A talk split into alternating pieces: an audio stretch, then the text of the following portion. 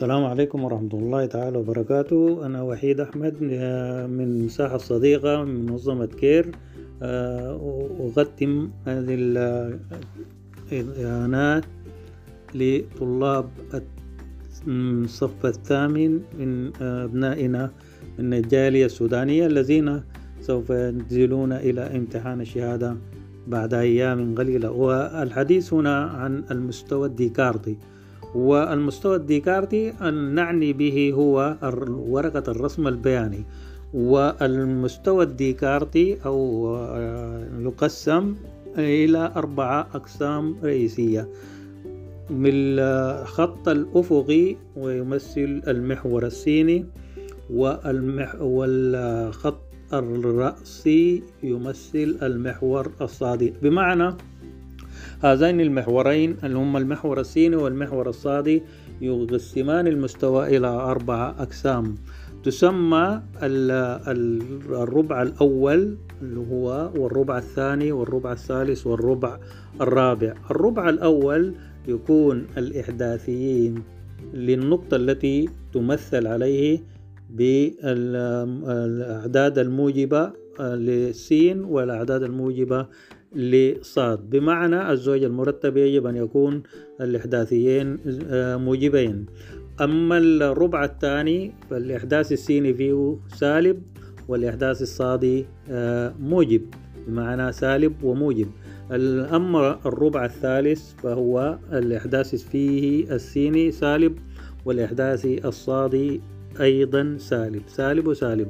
أما الربع الرابع فهو الإحداث السيني فيه موجب والإحداث الصادي السالب موجب وسالب. أي نقطة في الربع الأول تمثل بالموجب موجب وأي نقطة؟ في الربع الثاني تمثل سالب موجب وأي نقطة في الربع الثالث تمثل سالب وسالب وأي نقطة في الربع الرابع تمثل موجب وسالب. وأي نقطة تقع على الخط أو المحور السيني إحداثياتها سين وصفر. وأي نقطة تقع على المحور الصادي إحداثياتها صفر وصاد.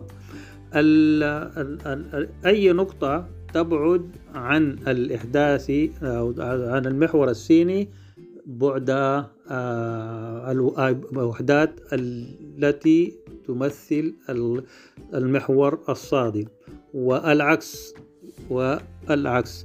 وأن هذه النقاط الأربعة أو الأربعة الأربعة إضافة للمحورين اللذان يتقاطعان في نقطة الأصل. وهي صفر وصفر إذا سئلنا عن إحداثية آه، نقطة الأصل وهي صفر وصفر. ويرمز لها بالحرف واو وفوق له نقطة صغيرة. أي نقطة تقع في الربع الأول يكون سين فيها أكبر من صفر وصاد أكبر من صفر. وأي نقطة تقع في الربع الثاني يكون الإحداث السيني فيها أصغر من صفر والإحداث الصادي أكبر من صفر. وأي نقطة تقع في الربع الثالث تكون فيها سين أصغر من صفر وصاد أصغر من الصفر. وأي نقطة تقع في الربع الرابع يكون فيها سين أكبر من صفر وصاد أصغر من الصفر. هنا يذكر المعادلة الخطية. ما هي المعادلة الخطية أو معادلة المستقيم أو معادلة الخط المستقيم وهي كالآتي ألف سين زايد بصاد زايد جيم تساوي صفر. وأيضا عندنا المعادلة التي بيانها مستقيم يوازي المحور الصادي أو آه، مستقيم يوازي المحور السيني الذي يوازي أو المعادلة التي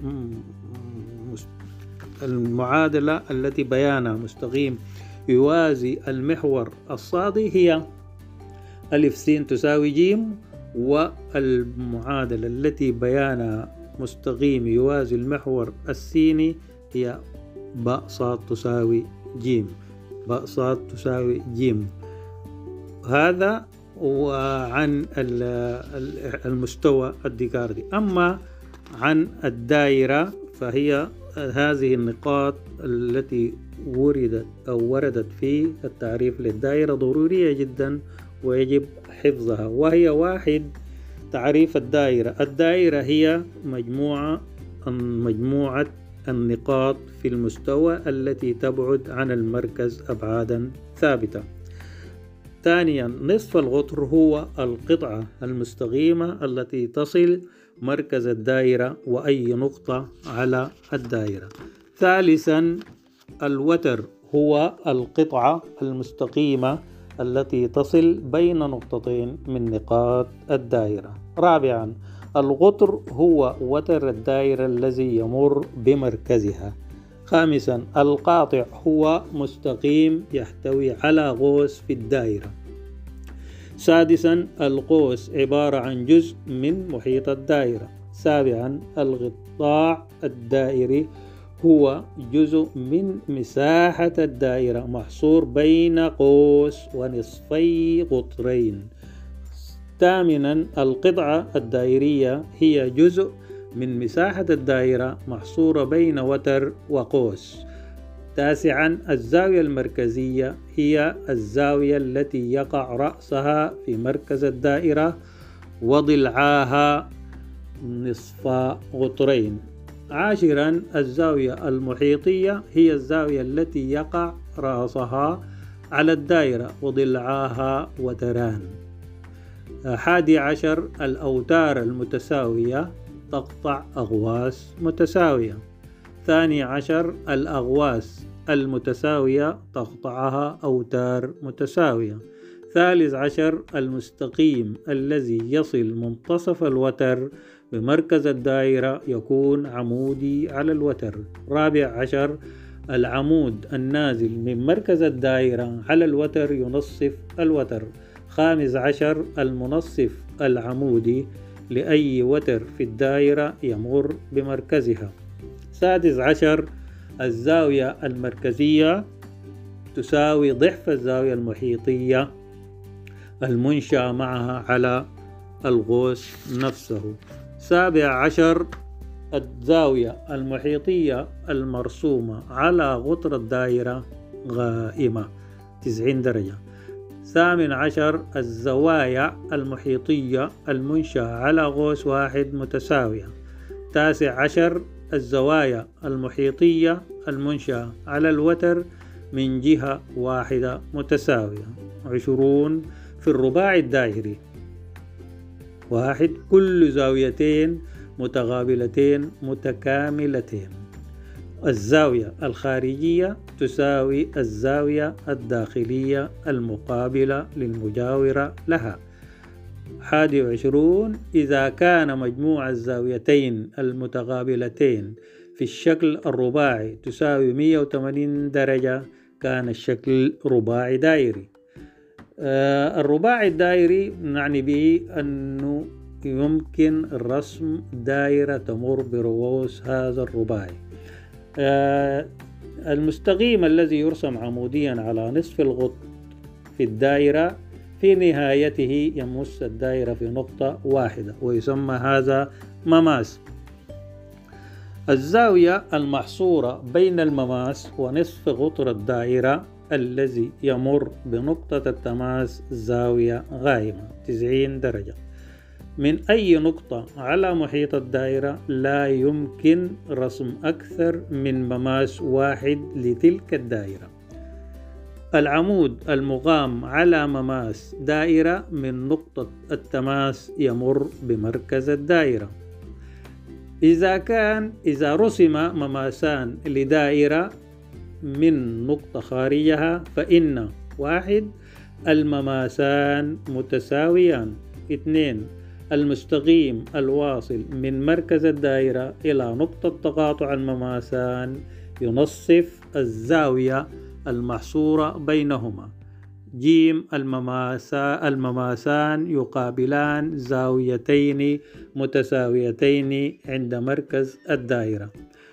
آه المستقيم الواصل من مركز الدائرة المستقيم الواصل من مركز الدائرة إلى نقطة تقاطع.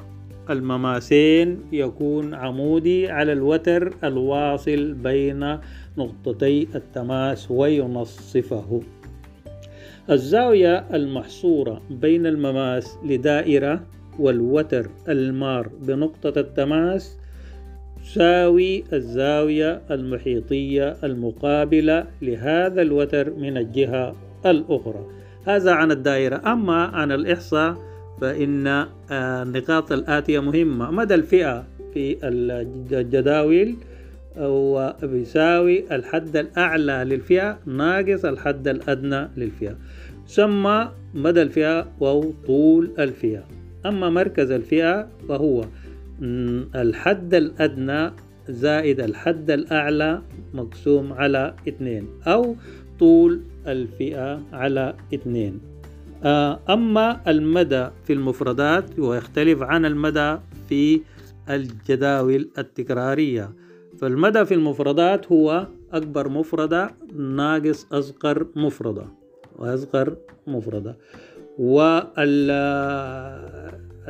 والتمثيل بالجداول التكرارية هي معرفة أنه آه، هو والتمثيل بالصور والتمثيل بالأعمدة والتمثيل بالدائرة. هي تمثيل البيانات الإحصائية. أي هي طرق تمثيل البيانات الإحصائية. وهي التمثيل بالجداول التكرارية والتمثيل بالصور والتمثيل بالأعمدة والتمثيل بالدائرة. وأيضا يمكن التمثيل البيانات بالجداول التكرارية والمدرج التكراري والمضلع التكراري.